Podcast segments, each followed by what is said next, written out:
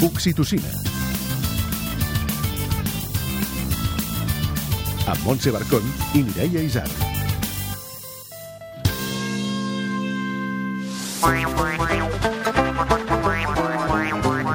L'escriptora i diputada Jen Díaz és mamo, que no mare, d'una nena. Avui ens explicarà com viu aquest rol familiar al tu tots tothom. També aprendrem per fi com triar les sabates dels nens Ai, i sí. nenes, com cuidar les seves ungles i resoldrem aquella llegenda urbana que diu que el calçat no es pot heretar d'una criatura a Ai, una altra. mare meva. Tot això ho parlarem amb la doctora Laura Pérez, podòloga, membre de la Junta del Govern del Col·legi Oficial de Podòlegs de Catalunya i directora del Màster de Pediatria de la Universitat de Barcelona. I les Mama Proof ens proposaran escapades familiars. A més a més, avui tindrem també consells nutricionals de la mà de la periodista especialitzada Trinitat Gilbert. Tot això i molt més a l'Oxitocina!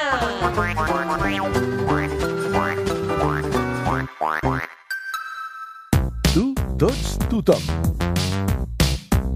Hola, sóc Jen Díaz, escriptora i diputada al Parlament i sóc la mamo d'una nena de 10 anys. Què vol dir ser la mamo d'algú? Vol dir que estic casada amb el seu pare però que no és la meva filla biològica. Què no t'esperaves de la maternitat? Què no esperava de la maternitat, d'aquest rol maternal que tenim les mamos però que no som mares biològiques?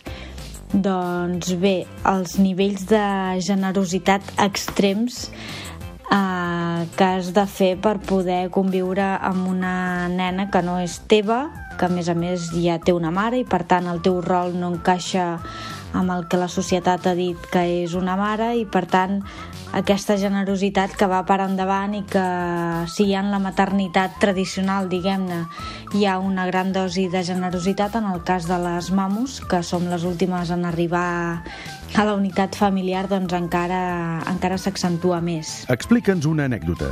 És que els primers dies, cada cop que anava a buscar la meva filla fi a l'escola, com que venien un pare i una mare i de cop va començar a aparèixer una tercera persona que els seus companys no sabien qui era, sempre hi havia algú que li preguntava que, que qui era qui la venia a buscar. I ella, com que a casa intentàvem perdre-li la por a la paraula madrastra, deia, és la meva madrastra. I quan els nens posaven una cara d'ensurt o de terror, deia, però m'estima, eh?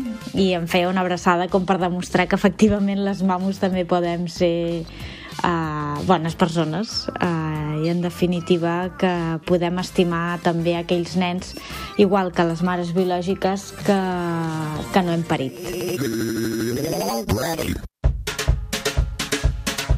Manual d'instruccions.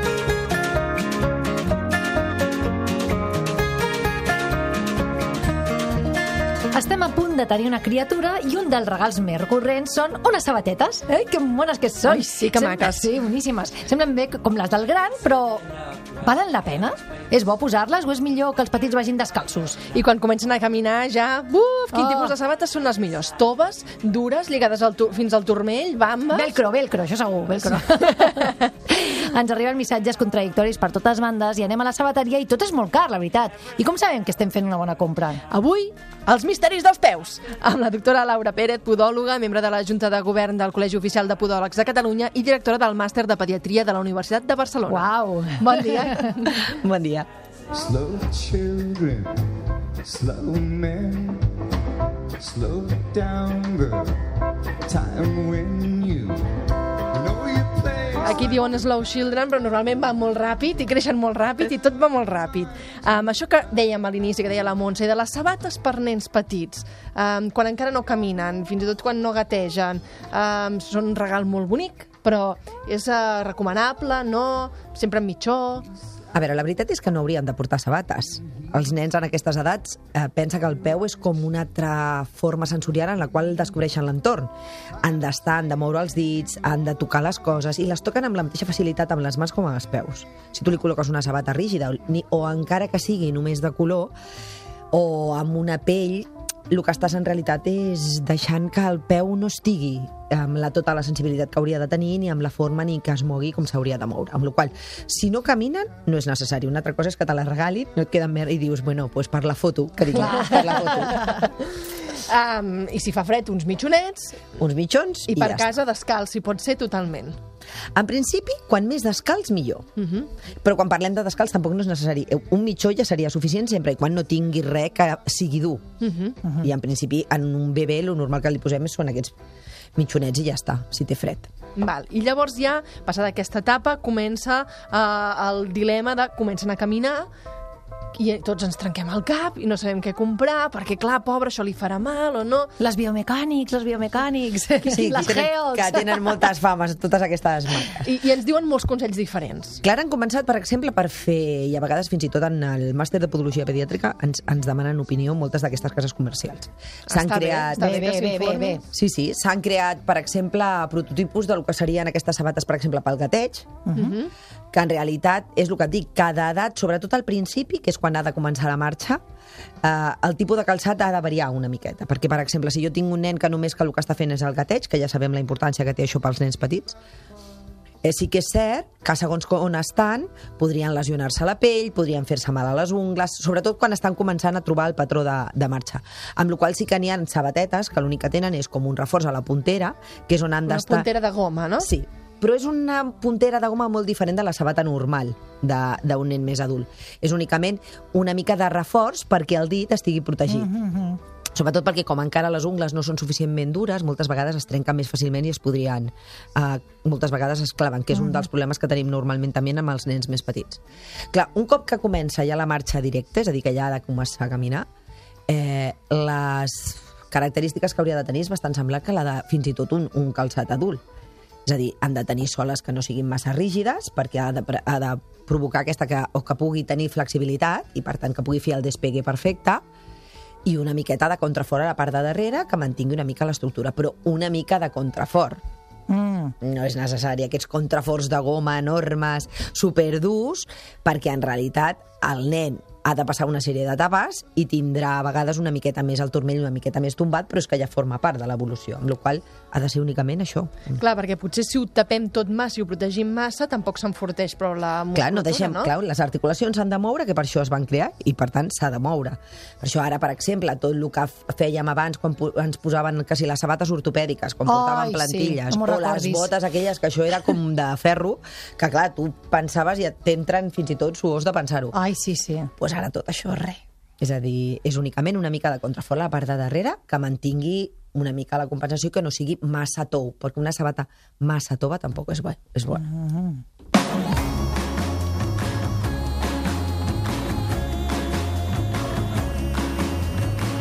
You knew I liked you right from the start. I materials, ha de ser sempre que es pugui de pell, això no és imprescindible, um, no és, o no és important, no sé. Que si te'n recordes fa, fa uns anys vosaltres, perquè jo ets molt jove, però normalment nosaltres ens deien que havia de ser sempre de pell, amb sola de pell, un més un tipus sabata. Això ara és com una fal·làcia, és, és impossible. És a dir, lo normal és que anem moltes vegades amb esportives i la qüestió és que siguin bons materials que no facin suar massa, però sobretot que el nen canvi de calçat. És a dir, el que no poden anar és sempre amb el mateix o amb la mateixa bamba perquè s'han de ventilar, Però... O sigui, n'hem de tenir dos. Uh, hem de tenir com a mínim dos. Dos a dir, per estació, eh, clar. Sí. És a dir, dos que es puguin anar intercanviant. Lo normal és que mm, majoritàriament la gent té més de dos, però en Vamos, que els hi principi... canvia el número molt ràpid, molt ràpid, edats. molt ràpid, però també és que se'ls carreguen molt ràpid. Que en aquest cas no és recomanable allò típic que l'amiga et passa la roba, les sabates no ho hem de fer, no? Mai, mai. Per què això? Perquè, clar... Perquè cadascú de nosaltres té un patró determinat de marxa. És a dir, és una forma amb la qual tenim zones de sobrecàrrega, n'hi ha, n'hi ha gent que deforma una mica el turmell cap a dintre i amb la qual la sabata també es deforma, amb la qual si tu col·loques una sabata que ja té una deformitat, és com si et posessin una plantilla amb aquesta deformitat. Mhm. És a dir, que el que estàs fent és tombar el peu cap a dintre, per exemple, que seria una de les, de les màximes d'alts. Encara que la pell sembla que estigui nova o que sigui una sabata que estigui nova. Amb la qual és el que us dic, materials per posar-se, pues una bona bamba, a vegades no fa falta que siguin de grans marques molt, molt, molt cares. Jo moltes vegades sempre dic el mateix, la meva filla durant molt de temps va portar a l'escola, perquè si no, a més, és que se les carregava totes, aquestes bambetes tipus del Decathlon de 9 euros amb 90 o 6 Ai, euros amb... que bé, quin consol m'acabes de que donar. no són coses que dius perquè la qualitat era bona, sense El que pagues necessitat és de la marca, disseny. no? Clar, el que pagues moltes vegades és la marca i el disseny. És que... Uh, mitjons uh, de cotó, si pot ser, també? Pues depèn. També. Carai, tot depèn, eh? Hem, hem de prendre molts apunts avui. I depèn per què, perquè normalment pensem fibres naturals, el cotó el millor. Sempre i quan el nen no sigui un nen que sua moltíssim. Perquè si sua molt, el que fa el cotó és que va xuclant tot aquest suor i es queda allà. Amb Ah, la qual mira. el que fan és, són aquests nens que quan arriben al final del dia a casa, tu li fas així amb el mitjó i sortiria aigua. Sí, sí, sí, que I que un- poden arribar perquè n'hi ha molts nens que són així. Amb la qual ara n'hi ha mitjons amb fibres d'aquestes que consideren ja són sintètiques, però que estan pensades per la, la part de suor. Si és un nen normal que sua lo normal, lògicament fibres naturals estaria perfecte. Però si té massa suor, millor una de sintètica. Um, a partir de quina edat o de quin moment de la marxa d'una criatura ja podem comprar una mica les sabates que vulguem, que ens agradin, que no ens haguem de fixar en tantes coses, o sempre ens hem de fixar en el mateix? Ens hem de fixar sempre en el mateix, que no és massa cosa. És a dir, el que no hem de portar és ni sabata massa plana, uh -huh. és a dir, aquestes bambes, per exemple, molts dels problemes que jo tinc amb els nens, sobretot els futbolistes, és que porten la bamba aquesta de futbol sala super psicodèlica, de colorins, que són molt maques estèticament, però són massa planes a nivell de la sola. Seria com en les nenes si van amb les ballarines, uh -huh. tot el temps amb ballarines. Tan planes no poden anar. Ha de ser més un tipus, una bamba, un, més tipus running, per exemple, uh -huh. amb una mica de forma, que tingui una mica de contrafort, que no tingui pont, perquè els ponts estan fets de forma eh, estàndard i, per tant, cadascú tenim el pont en una zona més o menys.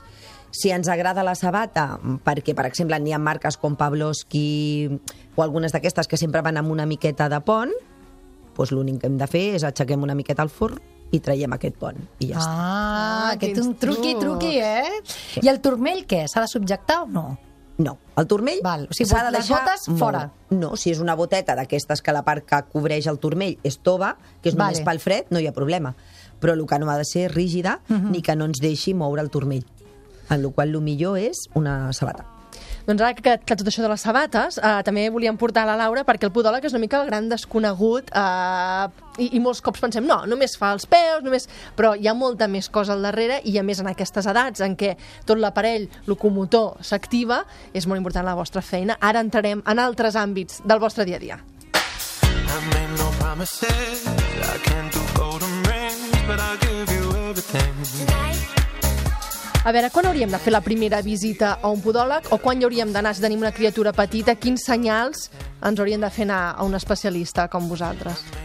Mira, nosaltres des del col·legi el que estem intentant constantment és fer campanyes perquè la gent coneixi el que és la podologia en tots els àmbits, és a dir, en aquest cas perquè estem parlant més de la part pediàtrica, però eh, si ens centrem en un nen seria més o menys similar a el que fem amb els, amb els odontòlegs, no? Estem intentant fer sempre mm, una campanya de prevenció. En podologia, les campanyes de prevenció en nen, és a dir, fer la primera visita, hauria de ser aproximadament, si és un nen que no li notem res estrany, cap allà cap als 5 anys. Uh -huh. Però pels 5 anys, per sistema sí que estaria bé, que l'inici de mirar sí. quina dir, postura fer, té... Fer una, una primera visita únicament per descartar patologies, perquè vegem que realment està evolucionant correctament, perquè està trepitjant bé. Aquesta seria fonamental. Possiblement molts dels nens dirien pues mira, pues està perfecte, únicament hem de fer una sèrie de canvis, sobretot a nivell d'estil de vida, perquè ara sí que és veritat que nosaltres també treballem molt en tot el que és l'educació, d'intentar pues, hàbits de menjar, que també influeixen en la, en la posició de les cames, i tot això també... Imagina't, el menjar té influència en la, en la posició de les El sobrepès normalment no ens va gaire bé per clar. res, i en els nens que ara mateix tenim una de les, dels problemes i és que estan pujant molt, aquests nens que considerem en aquest procés d'obesitat, és un preobeso que, fa, que parlem amb els nens, eh, normalment influeix molt perquè les cames han d'anar canviant la forma del seu patró de torsió i si n'hi ha un sobrepès això ens dificulta molt el que al final del creixement tinguin les cames ben col·locades, amb la qual tot això també ho treballem en aquestes consultes. Si en canvi és un nen que dius, bueno, doncs jo aquesta consulta de prevenció doncs se m'ha passat, me'l veuen els, els infermers o els pediatres a la consulta, que la, fan una visita una mica així per sobre, i us dic perquè jo treballo molt conjuntament amb ells i me'l- em deriven molts nens, doncs normalment ens hauria de cridar l'atenció un peu que canvia molt, moltíssim de forma des de quan està assegut o quan apoya, és a dir, que s'enfonsa molt cap a dintre i, fa un, i, i tomba molt el turmell. Aquestes marxes moltes vegades amb els peus cap a dintre, Ui, sí. Que aquesta també és una de les que normalment crida l'atenció, o amb unes cames, amb un, aquesta forma d'X que parlem, que a vegades són una mica més Sí, els exagerades. genolls una mica cap endins, podria sí, ser. és això, que, que et toquen de genoll i se separen els peus.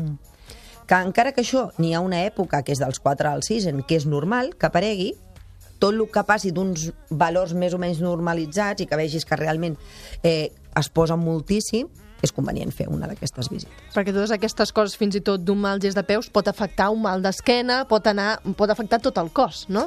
Clar, a veure, nosaltres sempre diem que el peu, i per això els podòlegs no només tractem els peus, és a dir, el, el peu forma part de l'aparell locomotor i per tant és una altra part que a més és la que està més en contacte amb el, amb el terra.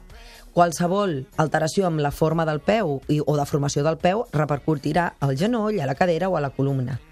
Però és que també alteracions de columna ens creen fer unes marxes i unes trepitjades diferents, amb la qual això també s'ha de valorar. Fins i tot hem de tenir en compte que ara amb tota aquests estudis del, del desenvolupament psicomotor, alteracions de nens amb, amb hiperactivitat, nens amb, amb quadres d'autisme i tal, també tenen marxes ec- especials, amb la qual tot Ostres, això tot s'ha de valorar. Sí. Sí, sí, en els nens, això és la gran... Jo penso que és una de les coses que ens fa que els que treballem en pediatria estem tan enamorats de la feina que fem, perquè és com veus molt, molts aspectes del nen que, que fins i tot, a més, és, són tan agraïts que mm, treballar amb ells és superagradable. Ai, la Laura s'emociona i tot, sí, eh? que bonic. Et volem de podòloga.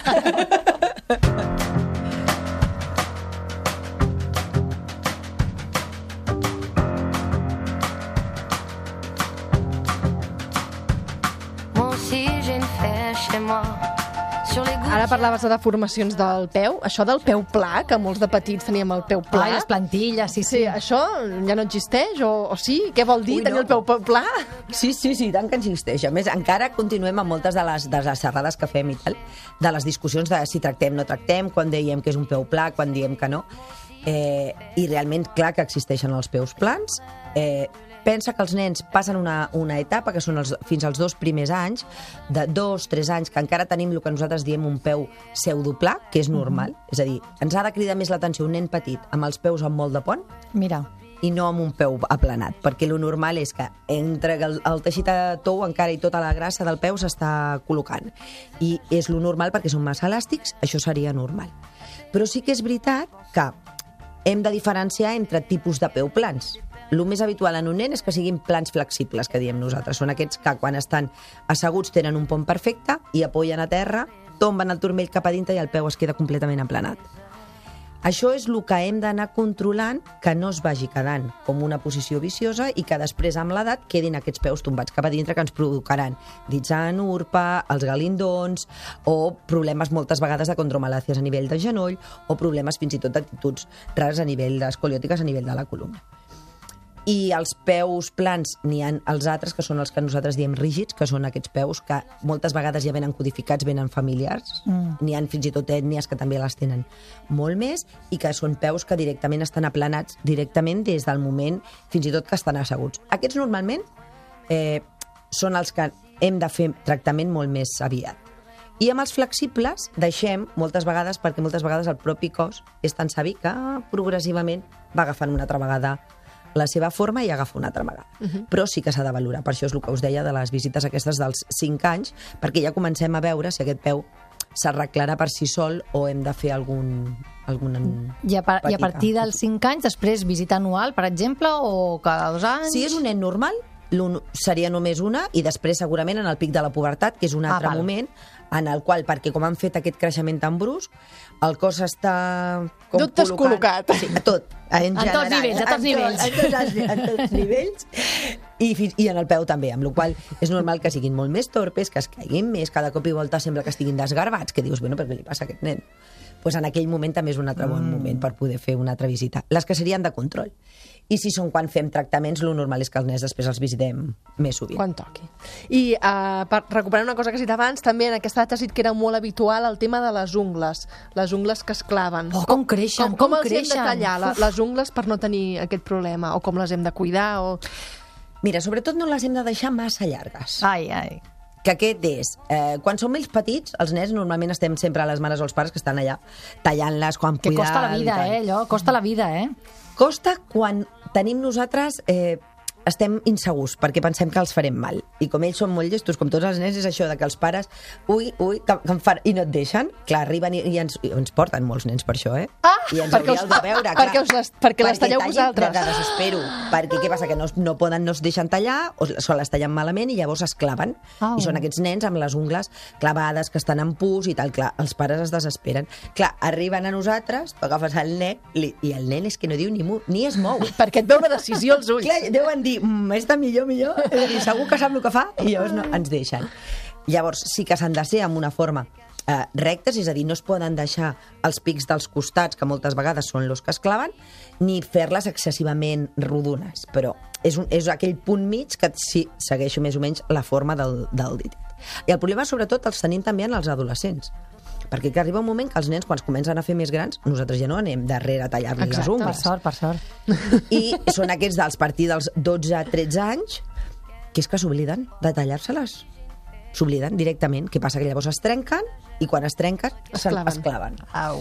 I llavors són aquells que després no volen dir, dir res als pares perquè no volen que els toquin, ja no vull perquè em faran mal, ja no vull, i llavors ens arriben a nosaltres i és quan hem d'operar les ungles, Uf, perquè realment arriba ja un moment que ja no és només treure aquesta infecció o aquesta petita punta que s'havia clavat en un moment, sinó que ja és el teixit tot que ja s'ha posat per sobre de la ungla i, i són una de les, de les grans cirurgies que, que hem de fer De les per més una, habituals. de les habituals en adolescents és normalment sempre per les ungles i per això, per no, per no tallar-les. I, I per no dir-ho. Per després la, la, la, la cosa de dir... l'amaguen, és a dir, Eh, clar. uh, no que em faran mal. I pe- pels nens més petits, quin seria el, el top de, de, de, de consulta, el problema més habitual que us trobeu?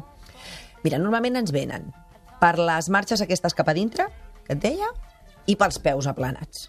Això són les dues grans eh, patologies, o les cames aquí, així, que estan juntes una miqueta. Però el més habitual són els peus plans i la marxa cap a dintre, perquè és la que estèticament es veu més, més dolent, més lletja, per dir-ho. Mhm. Llavors es preocupen més. Ai, ai, ai. Doncs moltes gràcies, Laura Pérez, podòloga, membre de la Junta del Govern del Col·legi Oficial de Podòlegs de Catalunya i directora també del Màster de Pediatria de la Universitat de Barcelona. Intentarem cuidar-nos bé els peus. Intentarem. Un massatget sempre va bé, eh? Oh, no, i tant, això Per sempre, tothom, eh? sempre. Grans, petits. Per tots, per Ai, tots. A ai. més, s'agraeix molt. Fins la propera, gràcies. Un plaer. Adéu. Adéu, adéu.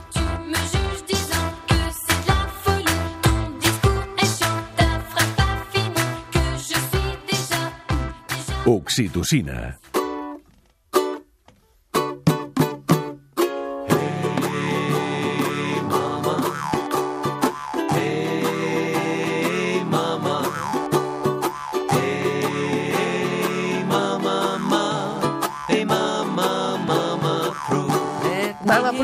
Bardomera, què tal? Bé, molt bé. Avui ens vols portar d'excursió, no? Sí, Ai, sí, marxem ja d'una vegada. posem tots. les xiruques. Vinga. Que t'hi plora.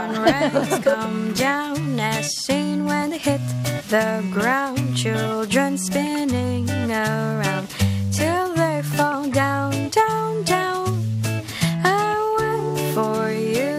Llorarem amb la botxilla, els piulets, els grampons. Ala, ala, ala. An anirem lluny perquè per, per, per, per poder parlar de tothom avui ens anirem a Lleida, a la Noguera Pallaresa. Que bé. Uh, tenim una, una gent mama proof, que és la Belén Llorente, que va anar amb tota la seva família a passar un pont d'aquests llargs uh, a la Noguera Pallaresa. Eh, de fet, i, uh, bueno, va visitar um, diverses coses i avui us parlaré d'una part de les coses que va visitar. Llavors, si voleu més informació, podeu entrar a la, a la crònica de Belén.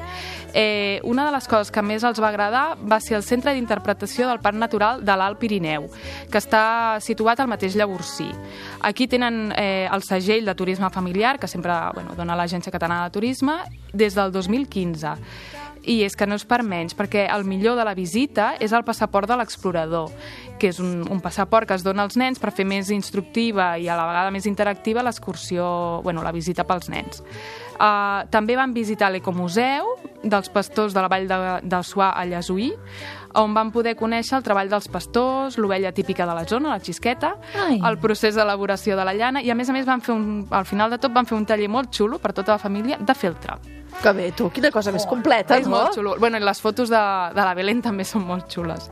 Per acabar el recorregut de la zona d'aquell dia, van visitar i fer un petit tas de formatge de, a una formatgeria artesana. Ara, ara, ara, ara, ara, ara, ara, ara. Del Pirineu, no?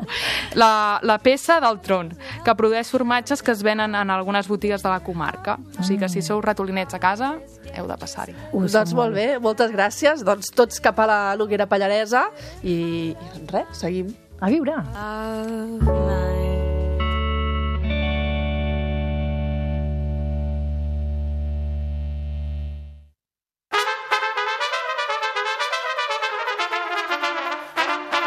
Dibuix lliure.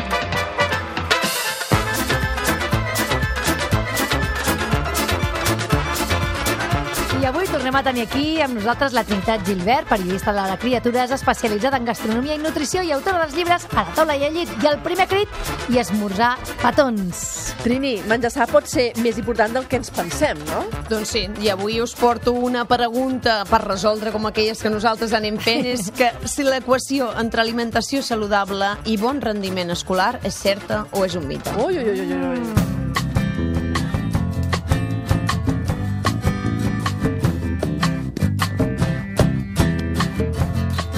Veure, explica'ns això. El que mengem ens afecta el cervell, no? Sí, ens afecta i a les criatures els afecten com estaran a classe d'atents o de seguiment dels coneixements que els expliquen. Però abans de, de fer aquesta relació que els dietistes, nutricionistes, els metges la, la relacionen clarament i diuen que sí, el que sí que, que hem de tenir clar és que què vol dir alimentació saludable? Què vol dir? Perquè que el concepte inclou, vol dir que els he de donar verdura totes les hores, que moltes vegades ho hem explicat, eh? tenim aquí les verdures plat, al sobreexplotades. Pobretes. No? I que l'alimentació saludable inclou més coses. Doncs vinga, va. Un dels nutricionistes que uh, fa la relació clara de l'equació que comentàvem és el David Gasol i diu que l'alimentació equilibrada vol dir, sí, que estigui basada en verdures, però hi ha moltes més coses. Hi ha d'haver greixos saludables, és a dir, fruits secs, i peix, ous, olis vegetals, com l'oli d'oliva. Uh, hi ha d'haver minerals, que per tant aquí tornem amb el peix, amb els vegetals, amb els brous, els caldos.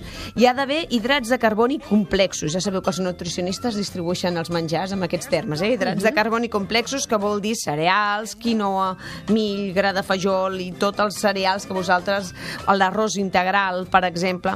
Això voldria dir una alimentació saludable. La combinació això de tots, uh, la combinació de tots aquests aliments ho seria. Per tant, les begudes ensucrades, els dolços, tot Les galetes. Fora. Res. Res, galetes no, és que costa, eh? Això és molt difícil. Sí. Trini, un dia hem de fer Són berenars. bones, són bones.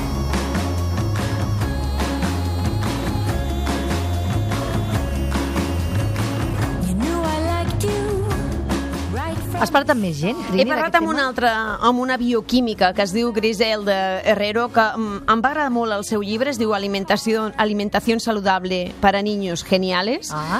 Uh, té un títol uh, molt provocador i el primer que fa l'autora és explicar què vol dir ser un niño genial. Sí, perquè... Eh, no? Jo Ah. crec que és un títol molt provocador i, i aquí, a partir d'aquí, relaciona què vol dir estar atent a classe, què vol dir tenir èxit escolar. Ella el primer que fa és explicar això, el significat vol dir que, que, que l'alumne va, o aquella criatura va adquirint al llarg del procés educatiu els coneixements que rep i els incorpora. Això vol dir rendiment escolar. Perquè alerta amb aquest concepte que quan es diu sempre sembla que hagi de ser que treu deus, no? 10 totes les No, notes. no els volem tampoc, els no. deus. Per, per tant, no... A veure si arriben, que arribin, però sense patiment. Sí, sí, però anar-los a buscar desesperadament no. En, en canvi, aquesta bioquímica dona més importància que fa un procés que evoluciona, va adquirint coneixements i, a més, els aplica. Clar. És a dir, no es queda en un concepte teòric, sinó que algun dia vas pel carrer i veus un, un quadre o, o un dibuix i el sap relacionar amb un coneixement. Això està molt bé. Ser genial vol dir això. Jo trobo que... És genial, per, per és genial, sí, sí, sí. Eh, per ser, ser genial per a la Griselda Guerrero, mm, el dir això està molt bé. Després també el, el que en, hi ha altres conceptes que a mi també m'agrada d'aquesta bioquímica i nutricionista, és que diu que per rendir, eh, mm, bé, no, no ens és cal fer mal cap si la criatura no vol esmorzar, perquè ja ho hem parlat altres vegades, perquè és de menjar poc i perquè no li entra res al matí, no? I tu t'estàs prenent el cafè i passes tot el matí i la criatura li estàs donant, ja, vinga, l'entrepà, la fruita, el fruit sec, la Tot fruita. sencer, tot sencer. No, vinga. I ella diu, no, us heu d'amoïnar més per al que és la, la conclusió del seu dia nutricional que més en un, en un àpat, i això és el que també el farà rendir, i rendir amb aquest concepte, eh? amb la idea de que va evolucionant i va adquirint els coneixements. I aquesta autora m'ha encantat, encantat, jo Eh, crec que... en prenem nota, eh? Sí, que et soluciona, et soluciona molt la vida. I tens algun altre truc perquè detectem que és l'alimentació saludable? Sí. Ja hem dit això, la base de, dels ingredients. No sé si hi ha alguna altra cosa que hem de tenir en compte. Sí, la, la, la, la mm, bioquímica i nutricionista dona idees sobre com cuinar, eh? sobretot altres vegades també ho hem parlat del vapor, però també di, ho esmenta de fer al forn, de fer a la planxa, de fer papillot. Um, també recomana que els plats tinguin molt de color, vull dir que, que els captivem a les criatures doncs, posar-hi una mica, que en la cuina, amb- gràcies a les verdures és possible, mm -hmm. les verdures fantàstiques. I eh, crec que aquest és... Ah, bueno, clar, i l'últim consell, vinga, i amb aquest acabo, part dels colors, volia deixar les verdures perquè entrava de nou, que és sobretot, sobretot que aconseguim menjar sense pantalles i que el lloc de taula sigui un lloc molt distès en el qual ens posem al dia amb la criatura de com està, de com ha anat, Sí, un- aquesta un moment paciència. bonic del dia, Que no? sigui un moment bonic per compartir i no tant per anar-nos fixant uh, menja tot això, menja tot allò, sinó que a través de crear un clima saludable la criatura el fas anar venint ganes d'anar menjant. Això sí que és genial. Ai, Ah, tu, genial, tu ets genial, Joan, Trini, moltes tu gràcies. ets. Gràcies, Si tot funcionés. Follow me.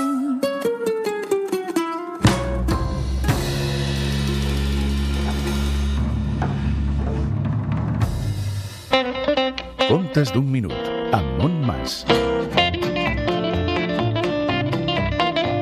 Dos contes de la selva, de la Beatriz Osés. El cocodril. El cocodril va perdre tots els seus queixals, totes les seves dents i fins i tot els seus ullals.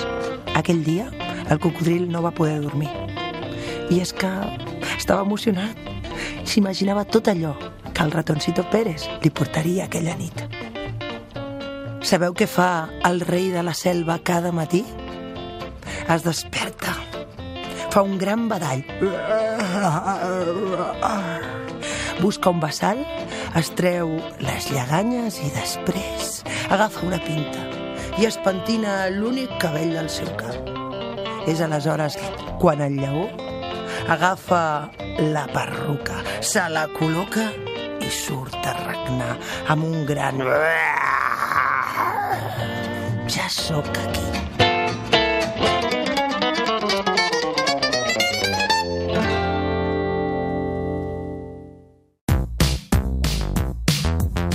Un consell per acabar. Si hagués de donar un consell a pares primerencs i sobretot a papos i mamos primerencs, els hi donaria un que crec que serveix per tothom i és que zero expectatives. Que sobre la marxa vagin prenent les decisions i que si tot allò que havien pensat que farien bé perquè hi ha una sèrie de valors i d'ideals a qui no volen trair finalment no es poden complir perquè la realitat va per una altra banda que no se sentin massa frustrats, que ens passa a tots i que ens passa a totes, no passa res. La dosi d'oxitocina setmanal s'acaba aquí. Si en voleu més, en trobareu al grup de Facebook, al blog del programa i al podcast.